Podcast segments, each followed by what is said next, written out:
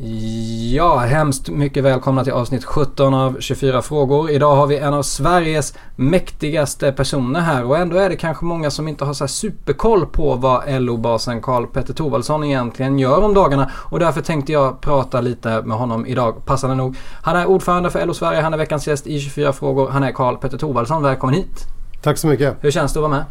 Det är jättekul. Jag är spänd på... eh, Jag, jag börjar bli sån här poddlyssnare så jag är spänd på detta. Ja, men då eh, går din dröm i uppfyllelse Ja, idag. äntligen. Kör igång. Det är 24 frågor, en podd om politik 24 frågor med intressant gäst 24 frågor, nu drar vi igång igen Det är 24 24 frågor Fråga 1. Varför heter du Karl Petter? Ja, mina föräldrar eh, laborerade mycket med namn i Kosta på 50 och 60-talet. Och stora, so, stora syran eh, döptes eh, 1953 till Pi. 3,14. Eh, och eh, sen... Föddes hon den 14 mars? Nej, Nej. nej. nej, men hon föddes faktiskt den 13 så kanske de missade lite där. nej, och sen eh, brorsan är 57 och då är detta i Kosta i brukssamhälle. Ja. Döptes till eh, Jim Karl Johan. Ett visst tuggmotstånd eh, genom alla tider. Trippelnamn alltså? Trippelnamn och så var jag nummer två då eh, med trippelnamnet eh, Karl Petter Niklas. Så att eh, min eh, uppväxt var väl ganska mycket i motvind. Jag kan inte tänka, jag kan inte komma på ett enda skämt som har med det namnet Nej, inte jag heller. Eh, Däremot eh, ett par dagar efter jag fyllde 18 så gick jag in på pastorsexpeditionen och strök Niklas. Så att Ja. jag heter bara Karl Petter idag. Fråga två. När du säger till någon att du ska åka hem. Vilken plats syftar du på då?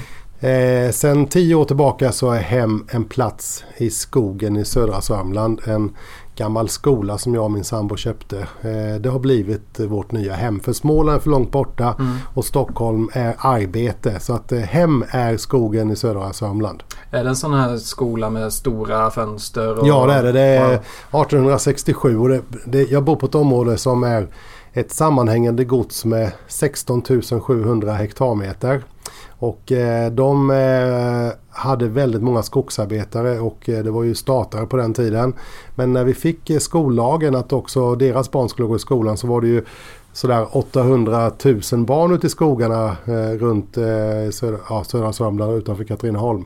Och då byggde de ett antal byskolor. Så den här ligger verkligen tre kilometer från närmsta samhälle. Så att jag bor i en skola mitt i skogen. Ganska ovanligt men väldigt, väldigt vackert. Jag bodde faktiskt granne med en sån där byskola som liten, övergiven då sen, sen 50-talet. Eh, Så jag vet ungefär vad det... Ja, de är väldigt vackra men det är my- mycket arbete men det är liksom halva grejen att göra i ordning det själv. Absolut.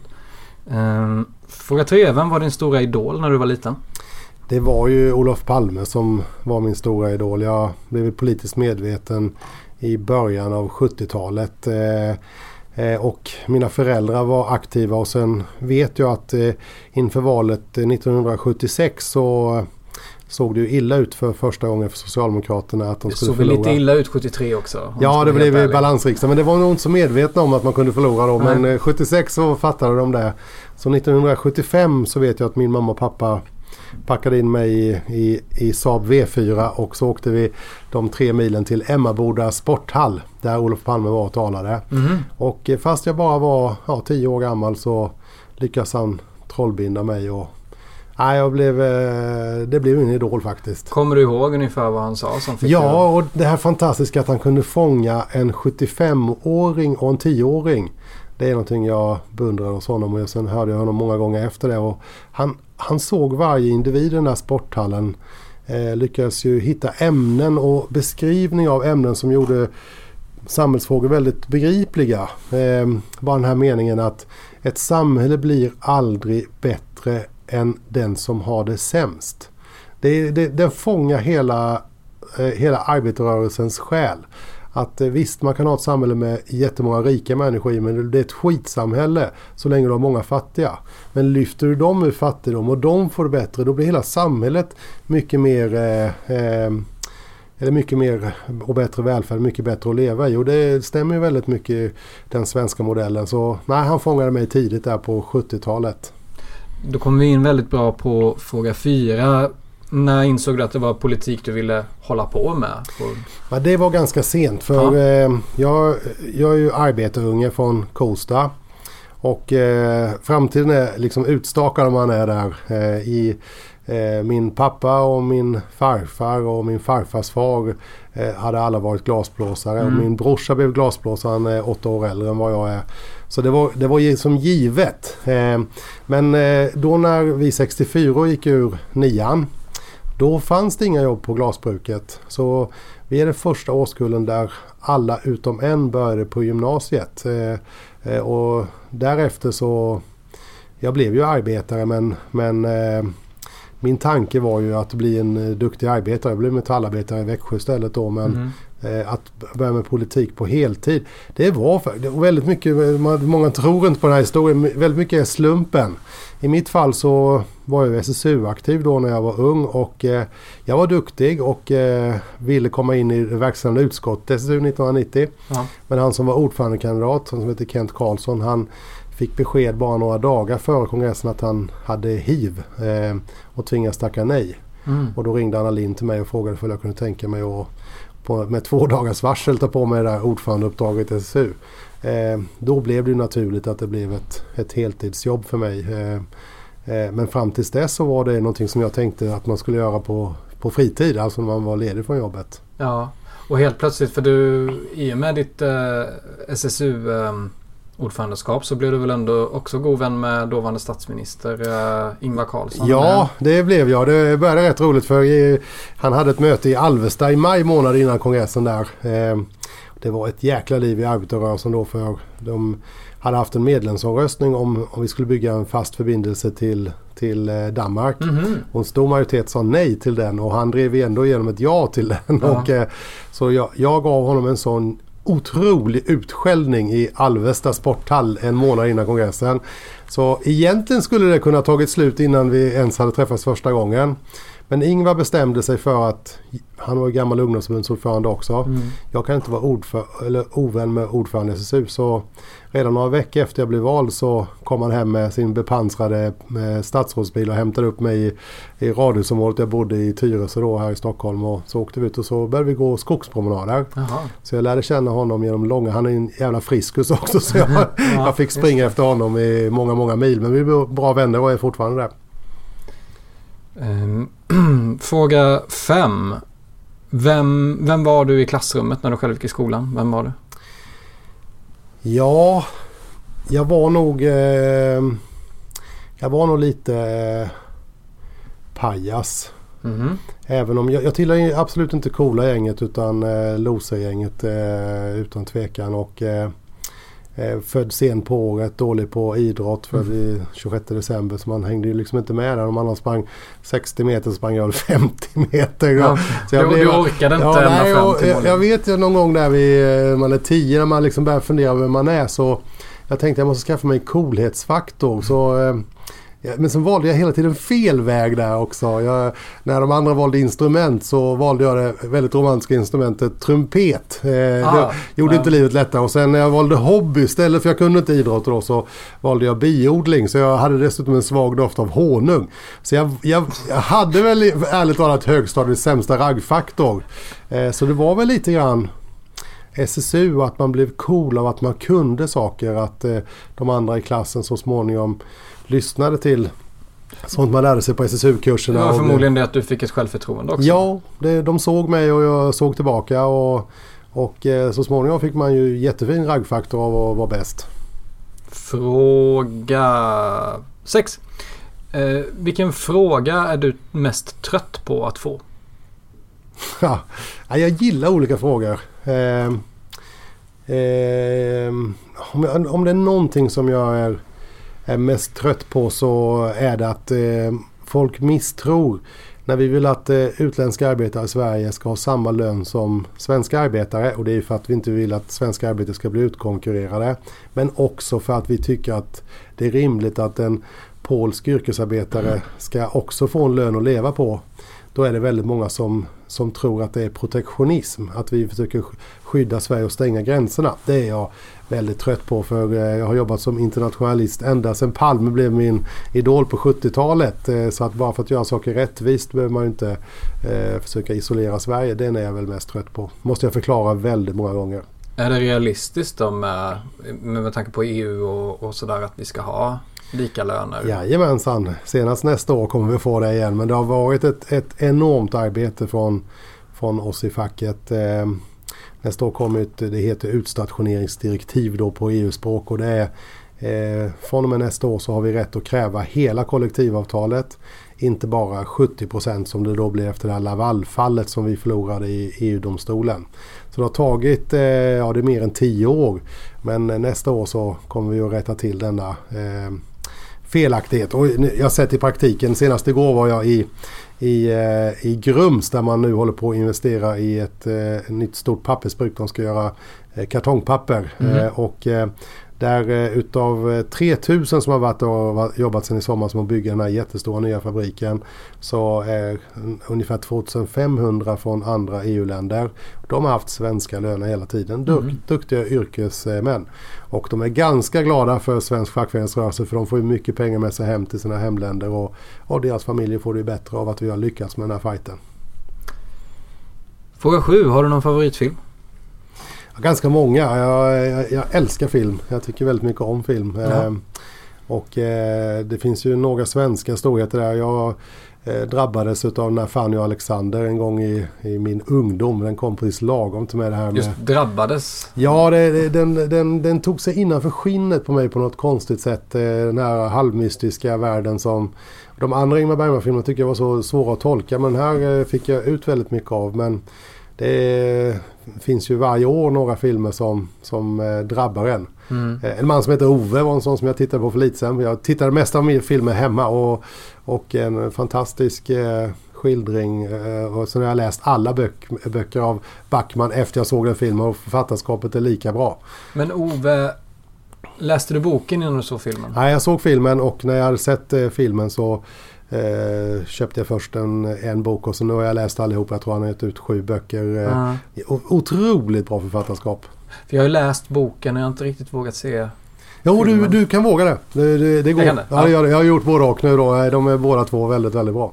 Just nu eh, läser jag Hunger, Hunger spelen heter på svenska, Hunger mm. Games. Ja. Eh, och eh, de har jag missat då på film och eh, så sa någon till mig att de är, det, det, det, är en, det är liksom en socialistisk kamp. Och eh, då eh, jag läste första boken förra veckan, började på andra igår och det är faktiskt väldigt, väldigt, väldigt politiskt. Väldigt, väldigt bra filmer också. Ja, då måste jag köpa dem och kolla på dem. Fråga 8. Monarki eller republik? Eh, republik svarar jag men jag är inte beredd att, att ta fighten mot eh, monarkin eh, i Sverige just nu. Du är sosse helt enkelt? Jag är sosse. Nej vi, vi, det, vi har ju ett ganska coolt förhållningssätt till vår monarki. Jag tycker det är inte så att de till vardags lägger sig i samhällsliv och dessutom inte minst tillkommande kronprinsessa är ju fantastiskt skicklig både på samhällsfrågor och att föra sig. Så att jag tror att vi kommer ha monarki länge till. Fråga 9. Vilken tror du är um, fackföreningsrörelsen på det stora hela stora utmaning mm. de kommande decennierna om man drar det lite längre? Kanske är det 21 århundradet? Ja, den, den stora utmaningen är om vår motpart eller företag lyckas att stycka upp arbetsmarknaden i att var och en får ett individuellt förhållande till sin arbetsgivare. Och det är ju fine om man är chef eller om man har en stark position i arbetslivet. Men för alla de som inte har det så är ett sådant arbetsliv eh, förödande. Och vi har massa sådana fighter just nu. Eh, bara för några veckor sedan så bestämde sig till exempel Åhléns här i Stockholm för att eh, de hade för stor personalkostnad. Det händer ju företag och verksamheter hela tiden. Absolut. Men istället för att göra en uppsägningsförhandling med Handels eh, så valde de då att hyvla de som jobbar där så att de fick mindre timmar de som jobbar där. Mm. Och det gör också att de kan inte söka a-kassa för då får man lång karens, alltså en och en halv månads karens för att få a-kassa. Och de blir, de blir i praktiken rättslösa. Och blir det ett sådant arbetsliv där arbetsgivaren väljer att vraka om man får jobb på timme. Eh, då är det en stor utmaning för oss i facket. För om inte vi kan erbjuda en bättre vardag, en bättre trygghet för våra medlemmar. Då kommer de ifrågasätta våra medlemmar i facket. Så det, är, det är den största utmaningen som jag ser det. Många kanske menar att fackets uppgift var mycket lättare för sig 100-150 år sedan med de här stora industrierna och liksom dåliga arbetsförhållanden. Nu är det mycket, mycket småföretag och, och sådär. Är det, är det, är det, är det svårare, svårare att övertyga folk att gå med i facket till exempel än vad det var för några decennier sedan tror du? E, egentligen inte. Eh, av den som har en tillsvidareanställning i Sverige så har vi fortfarande eh, väldigt hög organisationsgrad jag tror över hela arbetsmarknaden eh, runt 75 procent anslutningsgrad. Utan det problem vi har det är de som fortfarande inte har en tillsvidareanställning. Och det är delvis också ett fall på eget grepp i facket för vi har ofta sagt till det har kommit någon som har ett sommarjobb eller jobbar som vikarie samtidigt som de pluggar så har vi sagt till dem du kan vänta tills du börjar jobba eh, på riktigt eller blir mm. tillsvidareanställd. Eftersom den gruppen människor har blivit så stor i Sverige. Idag är ju etableringsåldern för eh, svenska ungdomar där halva kohorten har gått in i jobb är 29 år. Så vi har ju tappat ett decennium mm. och de är väldigt lite organiserade. Och det är det som gör att vi har lägre organisationsgrad idag än tidigare. Men i huvudsak står vi oss väldigt, väldigt bra. Och eh, inte minst de senaste man säger 20 åren så har vi också varit väldigt framgångsrika i lönebildningen i Sverige. Att LO-medlemmar som har ett heltidsjobb idag har fått det mycket bättre ställt. Och det är klart att det gillar de när vi ser till så att de får bättre pensioner och bättre löner. Så att, eh, jag tror vi står oss ganska starkt i människors vardag. Fråga 10. Hur, så, hur tror du att Sveriges regering ser ut efter nästa val? Ja, ja, om jag skulle tvingas gissa idag så tror jag att eh, Stefan Löfven blir omvald som statsminister efter nästa val. Ja, eh, Eh, det går väldigt bra för Sverige. 250 000 människor har gått i arbete de senaste åren. Eh, vi har eh, ett stort överskott i statens budget. Det är ingen annan som kan säga det i hela Europa. Där vi kan fördela 40 miljarder i välfärdssatsningar nästa år och 40 miljarder på att amortera på tidigare tagna skulder. Jag har svårt att tro att eh, svenska folket röstar bort en regering som har lyckats så pass bra. Det tror jag faktiskt inte. Det ser ut att bli ett svårt parlamentariskt läge dock. Det kommer väl att fortsätta. Eh, det är lite svårt att säga än så länge hur det kommer att sluta. Det är alldeles för tidigt än mm. men eh, det verkar ju vara så att eh, Moderaternas eh, partiledarskifte verkar vara så att eh, de tar tillbaka sin roll som, som ledande oppositionsparti. Eh, då tar de ju från Sverigedemokraterna och från Centerpartiet. Det är, ah, igen, det är för tidigt att säga om det är varaktigt eller om det är nu för att han är ny, eh, Ulf Kristersson. Men blir det så då blir ju valet också ett mer ett höger och vänsterval. Då blir det ett mer slag mellan Socialdemokraterna och Moderaterna om väljarna. Och det tror jag gynnar både Moderaterna och Socialdemokraterna. Så det skulle kunna vara så till och med att, att det blir en riksdag där Sverigedemokraterna sjunker till och med kanske under 10 procent. Det var ingen som kunde tro det för några år sedan. Det, det, det, det, finns i alla fall möjlighet och då är det inte säkert att de blir vågmästare på samma tydliga sätt som de har varit de sista två mandatperioderna. Man får inte glömma att den sista mandatperioden med, med Reinfeldt var ju på samma sätt som det har varit för Stefan Löfven. Mm. Det här måste ju riksdagen klara av. Mm. Vi måste ju fatta beslut. Så att eh, eh, välkomna verkligen att jag tycker det låter som om Liberalerna och Centern i alla fall öppnar en halv dörr för samarbete över blockgränserna. För vi måste kunna regera Sverige också efter valet. Kommer eh, fortsätta på samma tema här. Fråga 11. Ulf Kristersson blev ju ny moderatledare nyligen. Vad tycker du om honom? Jag har ju en, en eh, erfarenhet av två Ulf eh, Kristersson. Eh, han var ordförande i, i, i MUF samtidigt som jag var ordförande i SSU i början av 1990-talet. Och då var ju Ulf en, en, en väldigt, väldigt aggressiv nyliberal. sen har jag träffat Ulf Kristersson i perioder ända fram tills eh, nu och eh, han har ju utvecklats i mycket, mycket mer pragmatisk riktning. Jag har faktiskt blivit förvånad efter Moderaternas eh, eh, stämma eller Moderaternas årsmöte eller riksarbetskongress. Sverigemöte. Sverige, jag vet inte vad de kallar det för nu mer men det mötet de hade när han valdes. Jag blev förvånad över att eh, de tog ett sånt tydligt steg högerut när det gäller till exempel arbetsrätt och, och eh, eh, arbetstagares rättigheter. Det förvånar mig för han gör det ju väldigt mycket svårare att vara pragmatisk med den nya. Det kanske inte rådde på partiet. Jag vet inte riktigt vad som låg bakom det. Men eh, annars så tror jag att han är i huvudsak en, en pragmatisk politiker som vill göra upp om sakfrågor och det tror jag är väldigt bra för Sverige och för Moderaterna. Vad hade ni för relation när du var SSU-ordförande? Han var med fortfarande? Jo men vi gillar nog varandra på det sättet. Vi, vi, vi var ju väldiga fiender i politiska debatter. Eh, men eh, som sagt en, en, en schysst person är min upplevelse i alla fall. Eh, fråga 12. Vi har varit inne på det lite innan. Mycket av ditt jobb, eller ja, ditt jobb handlar ju om att folk ska som, tjäna, tjäna bra, ha bra villkor och, och liksom få det bättre och bättre. Eh, själv så eh, tjänar du ungefär 100 000 i månaden före skatt. Hur, hur gör du för att hålla, alltså hålla det jordnära? Att liksom, för att många med, de flesta medlemmar i LO har det ju lite sämre än dig rent ekonomiskt. Hur gör man för att hålla kontakten? Ja, alltså det, jag tror att man ljuger om man säger att det går för det gör det inte. Nej. Eh, jag kan eh, naturligtvis komma ihåg hur det var eh, innan jag blev eh, högavlönad. Och, eh, jag tror att det är väldigt bra att eh, alla som är förtroendevalda i facket har ju en bakgrund i de yrkena som vi representerar. Men det vore att ljuga och säga att inte det påverkar en för det gör det. Jag, att ha helt annan tillgång till kultur och upplevelser och så mm. än vad många medlemmar har. Men sen är min vardag är ju inte här i LO-borgen. Min vardag är ju ute på arbetsplatser så att man blir ganska ofta nedtagen på jorden av LO-medlemmar. Så att, eh, är de sura på dig när du kommer ut? Nej, de är oftast väldigt varma. Men de har ju, det som är så bra med Sverige det är ju att vi, vi har ju alltid varit drivna av tanken om alla människors lika värde. I Sverige ser ju alla medborgare varandra i ögonhöjd. Så man kommer ut på en, en LO-arbetsplats och så säger man vad man har att tycka.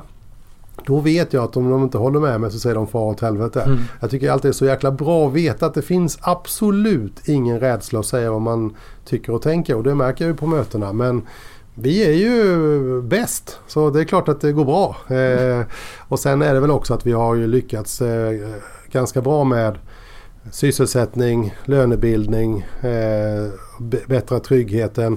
Bara det här att i Byggnads lyckas få fram ett avtal som ger eh, samma lön till eh, människor från andra länder. Det gör ju att konkurrensen minskar. Så att, eh, jag tror lite grann också, det heter väl hälsan tiger still ett svenskt uttryck. Så att eh, det går väl ganska bra. Jag gillar att möta LO-medlemmar, jag gör det gärna. Mm. Eh, fråga 13. Eh, senaste tiden så, eller ja, under hela hösten egentligen så har det ju varit den här stora metoo-debatten och hur kvinnor, kvinnor behandlas i samhället och i olika branscher.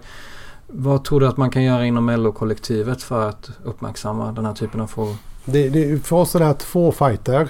Den ena fighten är, är facket självt. Eh, och det vore naivt att tro att inte vi som alla andra har den här typen av problem. Vi är dessutom enormt många människor i vår verksamhet varje år. Vi kanske har någonstans 50-60 000 eh, människor på kurs varje år i mm. facket. Mm. Och vi blandar frismare generationer och eh, ganska ofta så tar deltagarna eh, en bira eller så två på kvällen. Och, eh, det vore naivt att tro att det inte förekommer mycket sexuella trakasserier också inom LO.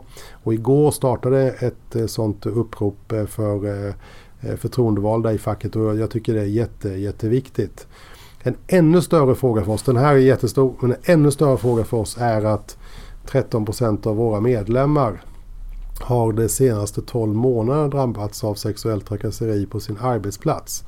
Eh, och framförallt kvinnodominerade branscher. Det vanligaste är faktiskt inom vården.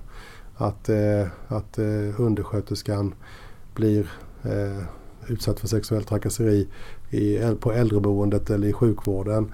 Och kanske ännu värre eh, de som jobbar på restauranger och hotell. Eh, förfärliga berättelser och eh, nu kommer de ju upp till ytan. Jag är väldigt glad att de gör det.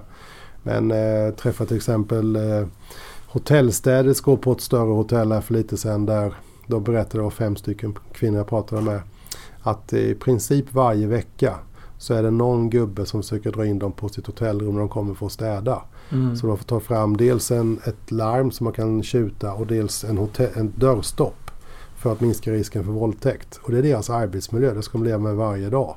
Så att eh, det är jäkligt bra att detta kommer upp till ytan och hoppas den här debatten leder till att vi kan få ett rejält eh, arbete för att ändra hur manligheten är och har varit. Eh, det är ju, vi lever ju i 2017. Man tror ju ändå att det här skulle vara en del av historien. Tyvärr visar de här skildringarna att det här är ju en del av vår vardag idag. Vi måste ju kunna göra någonting åt det, äntligen. Känner du att, eh, med tanke på den senaste tidens debatt Say hello to a new era of mental health care. Cerebral is here to help you achieve your mental wellness goals with professional therapy and medication management support. 100% online. You'll experience the all new Cerebral Way, an innovative approach to mental wellness designed around you. You'll get a personalized treatment plan from a therapist, prescriber, or both in a safe and judgment free space. Your cerebral therapist or prescriber will outline a customized plan with clear milestones along the way so you can get to feeling your best. With Cerebral, you're not alone in your mental health journey. We're here to empower you to live a fulfilling life. So take that first step towards a brighter future and sign up today at cerebral.com slash podcast and use code ACasts to get 15% off your first month. Offer only valid on monthly plans. Other exclusions may apply. Offer ends July 31st, 2024. See site for details. Har du någon gång under den här tiden känt att eh, du hade kunnat göra mer?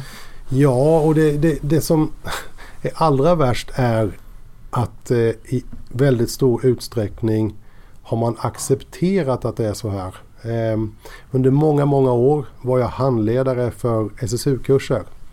Och det var ju ofta då tonåringar, eh, sena tonåren eller, eller unga 20-åren som vi hade på kurs. Och nästan alltid ungefär hälften killar och hälften tjejer. Det var aldrig ett enda problem så i gruppen. Mm. Men så kom det en annan grupp till samma kursgård som var eh, ofta de mer manliga eller kanske varit från ett företag eller från facket. Och så kom de här unga tjejerna och sa att eh, fan ikväll kan inte vi gå ner i bastun för de beter sig illa mot oss. Och då reagerade vi med att hålla dem undan från de här gubbarna som kom till konferenscentret så att vi gjorde någonting annat, ett eh, samkväm med gruppen eller eh, så vi hindrade de där unga eh, kvinnorna att gå ner i bastun den där kvällen när vi visste att de var där. Och det kan jag efteråt säga, fan skulle vi hindra dem från att göra det istället för att göra någonting åt gubbarna? Mm. Och det har nog varit ett tyst medgivande som eh, de flesta i min generation, födda i mitten av 60-talet, har medverkat i. Som vi borde naturligtvis sett och gjort någonting åt när vi har kunde gjort det då för 20 eller 30 år sedan när vi såg det här själva. Ehm, eh, sen har jag väl varit förvånad över, jag har ju läst de här förfärliga berättelserna på Instagram och Facebook och eh, jag måste säga att jag trodde nog inte att det var lika mycket förekommande och i vissa fall verkar det ju till och med ha blivit värre. Jag läste tre kvinnliga Expressen-journalister. När metoo kom så gjorde de ett reportage. De gick ut en vanlig eh, fredagkväll eh, på restaurang här i Stockholm. Just det, Emma Malmlöv bland Ja, precis. Mm. Och alla blev utsatta för trakasserier tre gånger en vanlig jävla krogkväll. Då undrar man hur fasken står kvinnorna ut och hur fasken vi ha sådana miljöer att vi inte liksom ser och uppmärksammar det här problemet tydligare. Måste sätta ner foten och faktiskt göra någonting åt alla de här förövarna som finns ju överallt. Och vi måste också ha mer samtal män emellan om vad manlighet är och hur vi ska vara som män. Och fan, man har ju döttrar som är ute den här Stockholmsnatten. Man undrar ju verkligen och jag har känt mig ganska trygg innan. Blir mer otrygg efter den här senaste månaden vad det är de upplever egentligen. Nej, det är verkligen ingen rolig utveckling. Vi på Nytt 24 vi har ju en eh, ganska ung målgrupp. Mm. Många i tonåren och sådär och vi kommunicerar ju väldigt mycket med dem. Och jag måste säga så här, nu, nu är jag lite yngre än dig. Jag är i 30-årsåldern. Men mm jag märker ju att jämfört med när jag var i den åldern att visst det är klart att det finns ju naturligtvis väldigt många som har väldigt skeva, skeva uppfattningar och sådär. Men jag måste säga att det är en sån otrolig skillnad nu jämfört med hur det var bara för 10-15 år sedan. Hur ungdomar uttrycker sig, hur de liksom konfronterar varandra, hur de pratar om till exempel om en HBTQ och, och, och sådär. Man kanske inte ska bli helt eh, förhopp alltså, överdrivet förhoppningsfull. Men tror du också det att det finns en generationsfråga här? Ja, både och faktiskt. Eh, att säga jag, jag, jag, jag säger aldrig, jag är, väldigt, väldigt pryd. Eh, men eh, det man hör om vad de, vad de säger, säger, till varandra i skolan. Skolan tror jag än så länge vi har sett för lite beskrivning av i media sedan mm. metoo började. Eh, jag hade aldrig vågat säga det som sägs till, eh, till tjejer i klassen eller till lärare i skolan idag. Som jag läser om i tidningen sägs idag. Det har hänt någonting med moraluppfattning om vad man kan säga om människor. Det är möjligt att de sa att vi sa det internt oss emellan. Men aldrig utåt. Mm. Man skulle blivit så tillrättavisad i den skola jag gick i att man skulle aldrig gjort det. Det verkar ju som skolan har bara liksom jamsat med och inte satt ner foten på vad som är rätt och fel. Eh, någonting har ju gått riktigt snett för eh, det man läser om i tidningar idag. Och det är klart, är det så där så kommer de ut i en annan miljö så är det klart att det fortsätter. Sen har du ju naturligtvis i den stora bilden rätt att eh, hade du varit i Kosta när jag växte upp och varit eh, homosexuell så hade du haft det mycket, mycket tuffare då än vad du har det idag. Så det är ju mycket som man har större förståelse för idag än man hade på 70 och 80-talet. Eh, på det sättet har det blivit bättre. Men och det kanske också att saker kommer upp till ytan gör ju inte saken värre utan snarare bättre för då kan man ju faktiskt göra någonting åt det. Är det under ytan hela tiden så kan man ju aldrig ta upp det och eh, bryta ner de här strukturerna som leder till det. Fråga 14. Vad är det som är roligast med ditt jobb? Och det är många saker som är roliga i jobbet. Eh, men eh, igår ganska oslag, oslagbart. Eh, åka runt. Jag var på tre stora möten igår. Ett i Karlskoga. Eh, ett i Grums och ett i i, eh, utanför Karlstad på kvällen. En liten Värmlandsturné. Ja, en, blev en liten Värmlandsturné. Och det, det sista mötet var en bonus för det visste jag inte ens att det var när jag åkte på morgonen. Och det här direkta mötet med LO-medlemmar ute i landet eh, och ställa sig, man får ju ofta en rätt stor publik och så ställa sig och försöka fånga dem en kvart, eh, 20 minuter och sen få en dialog. Det, det, det, blir som en liten tävling att jag måste liksom eh, kunna fånga alla i alla ögonblick. Just det tävlingsmomentet där är att, eh, att få bra kontakt med folk. Det är nog det roligaste i mitt jobb tror jag. Fråga 15. Senaste åren har det varit väldigt många, eh, mycket snack om att um, ehm, LO-medlemmar har blivit eh, SD-sympatisörer. Vad tror du att det beror på? Nej, jag tror att det är en väldigt enkel förklaring. Jag tror att väldigt många LO-medlemmar då 2013, 2014, 2015 när det kom väldigt många flyktingar på, på kort tid.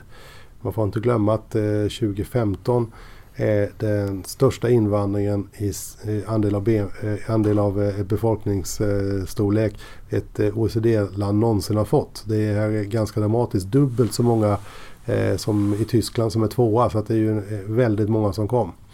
Och jag tror helt enkelt många LO-medlemmar såg att, att samhället inte var beredda på alla de som kom och att de var väldigt, väldigt oroliga för att deras barns skola inte skulle funka, att deras eh, mamma och pappor inte skulle få bra äldreboende, att eh, deras liv som de har levt eh, på den ort de, de bor i inte skulle fungera som det gjort innan. Så jag tror att det var en oro över att samhället inte kunde svara upp mot de behov som behövs för att klara av en så stor flyktingmottagning. Det tror jag är förklaringen till att det var många som började snegla åt, åt eh, Sverigedemokraterna den där perioden. Jag tror också det är därför jag är väldigt optimistisk om nästa val. För nu har ju riksdagen faktiskt tagit kontroll över flyktingpolitiken och eh, nu söker vi vägar, inte minst från facket, att eh, de ska komma i arbete snabbare. Eh, och så fort eh, man går från att vara en anonym flykting till att vara en del av eh, arbetskamratskapen. Däremellan är det ett universum i hur man ser på en människa. 30 procent av våra medlemmar ungefär är ju från ett annat land. Och de är ju en del, det är ju, det är ju polare. Det är ju, de man jobbar med varje dag. Mm. Men de här bilderna som var i tv varje dag av systemkollaps har ju de eh, politikerna i Sverige. Det, det var svårt att stå emot tror jag för många vid det tillfället. Fråga 16. Hur tror du att du är som chef? Eh, ja, jag, jag tror ändå att jag är ganska bra som chef. Mm. Får säga så om sig själv i Sverige men ehm, Nej, jag, jag försöker verkligen jobba efter någonting jag brinner för och brunnit för i hela mitt liv. Jag kallar det för egenmakt. Eller till och med var med och hittade på uttrycket egenmakt i början av 90-talet. Ehm, ehm, jag ger nog de som jobbar här makt över det som är deras eh, deras jobb och eh, lägger mig inte jättemycket i hur de lägger upp arbetet. Och så istället försöker jag ha en dialog om hur vi ska komma vidare och kunna utveckla arbetet mer. Och jag, jag tror att de flesta här tycker att det är bra. Jag står största kritiken med mig, mot mig som chef är att jag är ute och reser för mycket. Mm. Eh, det får ta som ett kvalitetsmått. Men jag tror det funkar rätt bra. Är du bra på att släppa saker när du väl har delegerat ut Ja det är jag. Jag är inte rädd för att släppa saker. Det eh, är väl en del som tycker att jag borde ta många fler saker. Men nej, jag är inte rädd för det. Och jag tycker, tycker man upplevelser från livet. Eh, och det här var egentligen en iakttagelse när jag var ung. Eh, när jag själv var i tonåren. Vi hade sådär uh, ungefär 3000 SSU-klubbar runt om i landet. Mm. Så utsåg vi då en styrelse. De som var utsedda till styrelsen var ju 15, 16, 17 år. Och så fick då, de utsåg en kassör som fick en ekonomi på kanske 8-10 tusen om året. Det var en handfull skandaler av alla dessa klubbar.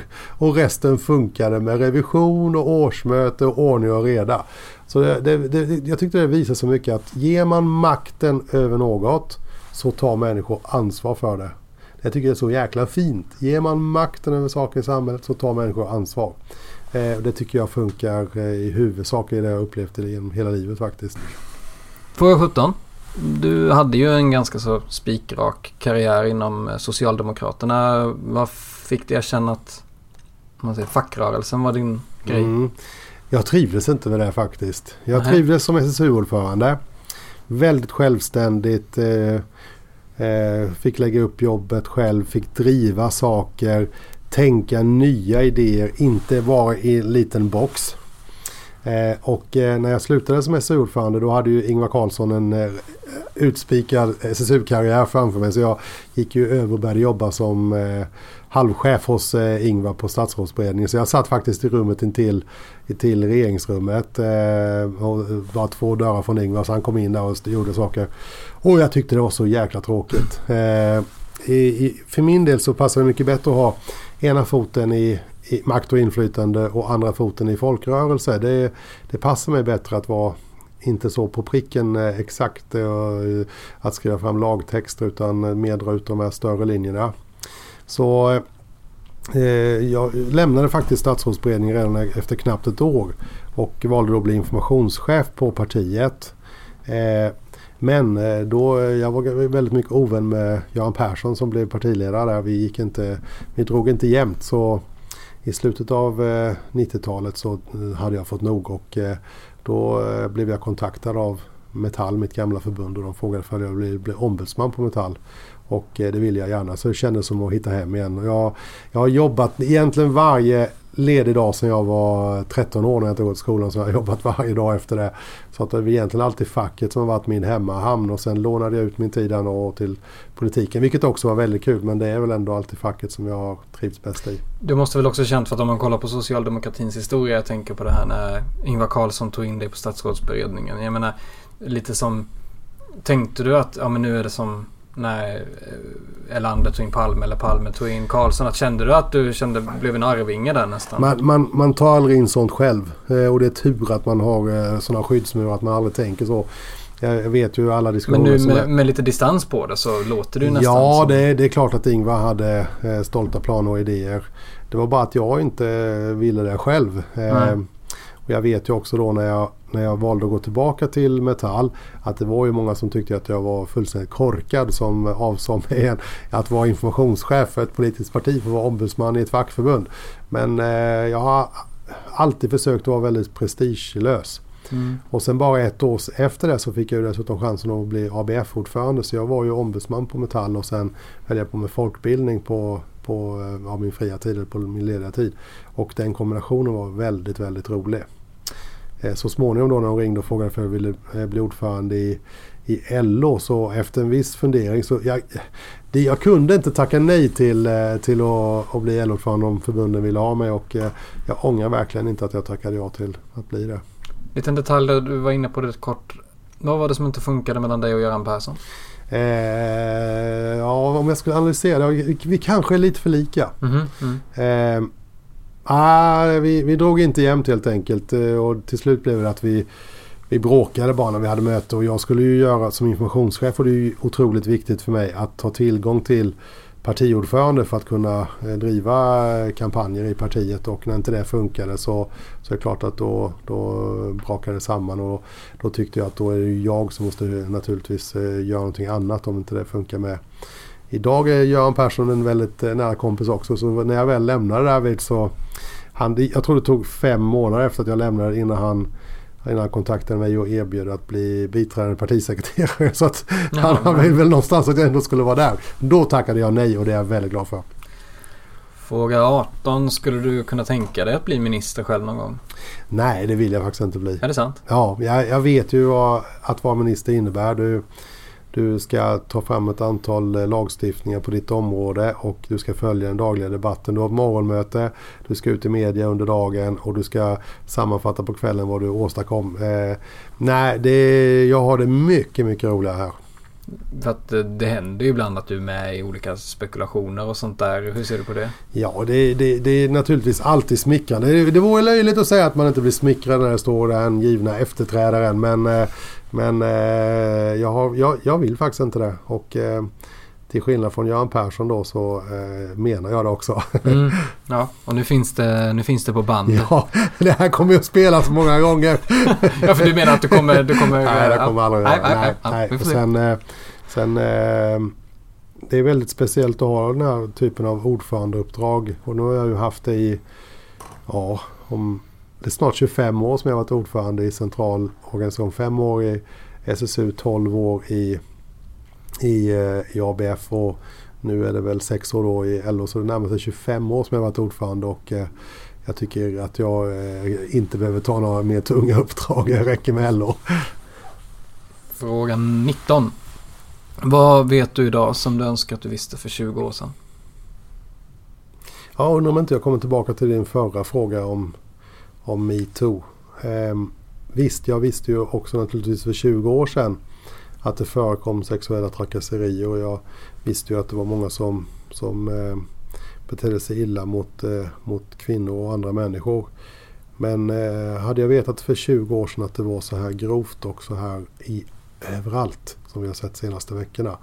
Då hade jag nog kunnat ägnat mer tid, oberoende vilket uppdrag jag haft, för att försöka hitta strukturer för att motverka det. Eh, sen är det väl en och annan miljöfråga som man också skulle vilja vetat för 20 år sedan att, eh, att eh, det sätt vi lever på på jorden funkar inte för, för miljön. Och eh, då hade vi tagit många av de beslut vi har tagit nu de senaste åren om koldioxidutsläpp så kanske vi inte hade behövt se så riktigt allvarligt med den här temperaturhöjningen vi ser framför oss. Så det är väl några frågor man önskar att man kunde se i backspegeln också.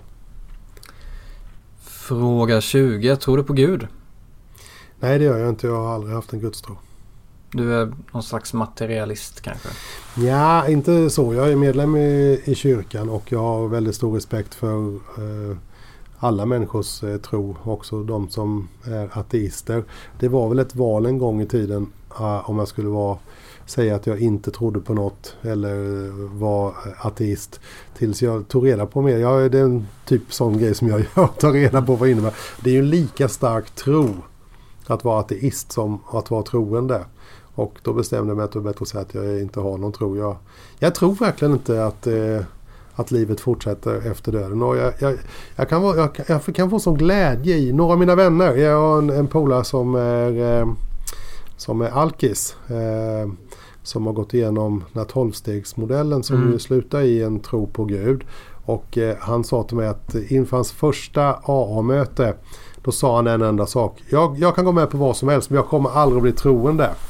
Och de accepterade honom som han var och eh, nu har han gått igenom de här tolvstegen och blivit troende. Och jag garvar åt honom för liksom, det, det, det är min polare. Han är mm. verkligen inte troende. Men nu har jag förstått att det där att ha någonting som är viktigare än en själv, som ju det handlar om i deras fall, har varit ett enormt stöd för honom i fight mot, eh, mot sin alkoholism. Och eh, vem är jag att döma om någon annan hittar tröst och tro i, i någonting högre? Då mm. ska jag ju naturligtvis bejaka det och det, det försöker jag göra också med honom. Så att jag, jag lyssnar på alla mm. hans, hans tro idag. Jag blir inte ont och troende själv men, men jag gillar att de som finner tröst i det blir det. Kul att du sa det där med ateist för att jag har gjort lite samma resa att uh, jag, jag kallade mig ateist fram till några, för några mm. år sedan. Och anledningen var att jag tror inte jag träffat en trevlig människa någonsin som kallat sig själv för ateist? Har du tänkt på Nej, det? jag tror det faktiskt är, inte det heller. De är otroligt dogmatiska. Och oftast inte sådär jättesmarta heller. Nej, Nej, mm, ja, det var bra vi är överens där. Eh, fråga 21. Vi har just nu eh, i november 2017 en eh, ganska stor pensionsdebatt. Mm. När känner du att du själv vill gå i pension? Ja, jag har ju formell rätt att gå i pension från LO-ordförandeskap när jag är 60 år gammal. Eh, men jag kan väl avslöja då, det blir en nyhet här också, att jag har på inget sätt eh, avsikt att eh, sluta arbeta om, vad blir det, sju år.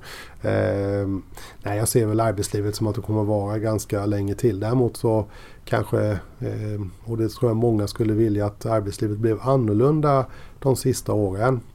Nu är det några av våra förbund till exempel som bygger upp något som kallas för flexpension. Okej. Så att man ska ha ett kapital när man blir över 60 år så att man kanske kan välja att vara hemma en dag i veckan eller två dagar i veckan och kanske jobba varannan vecka och sådana saker. Det tror jag vore ett väldigt bra slut så att det inte blir som min pappa, om, han jobbade 52 år som glasarbetare Mm. och sen dagen före midsommarafton 1987 så var hans arbetsliv slut. Mm. Eh, sen lyckades han tack vare Folkets hus i Kosta fortsätta och hitta meningsfulla arbetsuppgifter. Han hade hand om eh, städning och fika och, och, och bridgeklubb och allt vad de gjorde Mm, där ute. mm. Men om det bara hade tagit slut där 87 då tror jag att han hade tyckt att det var ganska miserabelt. Så att Mm. eh, en övergång där med någon slags delpensionslösning tror jag var en dröm både för mig själv och för LO-medlemmar runt om i landet. Mm. Det känns som att förr i tiden, jag, jag är uppväxt på landet och där var det väl mycket så för att arbetslivet tog ju aldrig slut. Utan det var Nej. snarare så att arbetsuppgifterna trappades ner. Mm. Att man fick liksom sitta och, och stoppa strumpor till slut eller, eller något sånt där. Ja, jo- jo- jordbrukssamhället var ju mer så att eh, där, där var väl arbetet så länge man orkade ha arbetet. Och eh, för många LO-yrken är det ju fortfarande så. Och det, man glömmer ju ofta den här pensionsdebatten som är just nu. Jag tycker de missar väldigt mycket i den pensionsdebatten. Till exempel om du jobbar som brevbärare så är eh, pensionsåldern bara lite över 60 år. Mm. Och när man undersöker varför så är det så enkelt som att knäna är utslitna. Men eh, i de här yrkena För att ta har... gå till trappor eller? Ja, du, springer du upp och ner i trappor hela dagen i ett yrkesliv så pallar knäna bara ett visst antal trappsteg. Sen Ja, tar de slut. Ja. Eh, och eh, det gör ju då att det blir ett hån för dem när vi i den här allmänna debatten vi har just nu säger men nu förlänger vi er till 67 utan någon annan åtgärd. Mm. De pallar ju till 61. Då blir, det, än- då blir de ännu fattigare när de blir så småningom ska gå i pension. Så att eh, man kan inte dra alla över en kam. Och, eh, många LO-medlemmar har ju dessutom ett väldigt långt arbetsliv. Många börjar ju redan efter gymnasiet och så Mm. jobbar de fram till 65. Det, kan ju, det är ofta eh, 47-48 år. Medan då andra, som jag sa innan, har inträde på arbetsmarknaden när de är 30. Det är 35. Det är liksom, de jobbar 15 år längre. Och nu skäller alla på dem för att de ska jobba något år till. Så jag tycker vi måste hitta bättre och flexiblare lösningar för de här yrkesgrupperna. Så att man kan jobba lite, så mycket man kan fram tills man blir pensionär. Det behöver inte vara 100 eller 0. Det kan ju faktiskt vara 75 och 50. Och då kanske i det att man jobbar, låt säga att man fick, eh, man kanske har en tre dagars helg eller man jobbar varannan vecka eller så på de sista åren för att det ska bli lite lättare också att gå över i, i pensionslivet. Mm. Mm.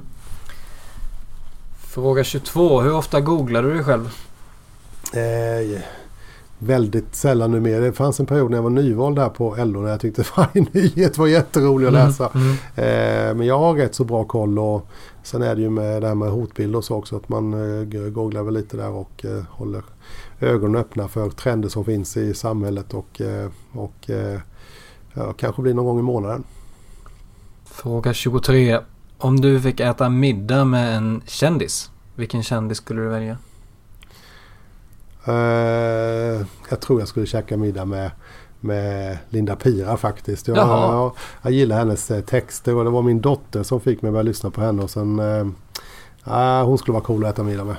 Ja, det får jag hoppas att Linda Pira lyssnar på det här på något vis. Och, och... Ja, det skulle vara jättekul. Ja, hon verkar vara ja, hon är så jävla driven. av otroligt eh, bra texter. Jobbar väldigt mycket med rättvisefrågor. Och eh, sen i den här eh, kaotiska världen hon lever i med musik och turnerande ska hon försöka vara mamma också. Det vill jag gärna vilja höra mer om. Fråga 24. Vad händer i helgen? Och nu är det nästa helg. Så. Okej, vet du vad nästa helg? Nu är det julförberedelser. Eh, Jaha. så eh, då, vi, vi har sådär eh, storjul eh, i- i skolan med alla barn och kompisar och eh, har man då en, en, en stor skola som man inte eh, bor i varje dag så blir det väldigt skitigt. Ja. Så helgerna i slutet av november, början av december det är årets städhelger. Så att jag vet ni- att jag ska göra ett pass nu i helgen och ett stort pass nästa helg. Så ni, ni ska ha uh, stor, stort liksom, bykalas där kan man säga? Nej det är det inte utan det, det har med familj och vänner att göra. Men eh, vi, vi, vi, försök, vi, vi köpte den här skolan och det första investeringen vi gjorde det var att vi åkte till Ikea och köpte 10 sängar. Och det var för att vi tycker att det ska vara mycket folk. Så vi räknade ut efter sommaren i somras så räknade jag och sambon ut att vi under vår semester hade haft 147 gästnätter. Så det är ett halvt hotell. Så man är ganska slut när semestern är över. Och det, det är ju roligt med mycket folk och sen har vi ju eh, tre barn. Eh, jag två, min sambo en och sen har vi en kusin som alltid hänger med oss också. Så Ja. att vi är ju i grunden är vi ju sex stycken som gör mycket saker ihop och kommer alltid på julen. Och, ja, vi är väldigt roligt ihop. Blir inte det lite jobbigt att alltid ha massa folk överallt? Nej, det är roligt faktiskt. Och sen är det lite grann så det, man kan, det finns rum, eh, rätt många rum på övervåningen och vill man inte vara en del utav alltet så kan man få en egen hörna. Och sen visste jag när vi köpte det här för vi skulle locka de här ungdomarna på, film. Så visste vi det. Så att jag, eh, när jag är inne och, och handlar på, eh, på Coop eller ICA så brukar de alltid ha sådana här fyndhörna. Man kan köpa eh, tre filmer för en hundring. Jaha. Det gör jag hela tiden. Så jag, jag tror jag är uppe i snart, eh, eh, vad kan det vara? Säkert i alla fall 500 eh, filmer. Eh, så vi, har, vi finns i alla genrer om allting. så vi har de där hungerspelen hemma så man ska kolla på dem också. Ja men det tycker jag verkligen du ska Ja, ska och, eh, och så eh, härifrån i 24, 24 frågor så säger vi helt enkelt tack för den här gången. Tack så jättemycket Karl Petter Thorwaldsson för att du ville vara med och eh, mejla på 24 frågor att nytt24.se om ni har några frågor eller annat skoj. Jag heter Karl-Anders Lindahl och eh, vi säger väl hej då. Hej då, kul att vara med.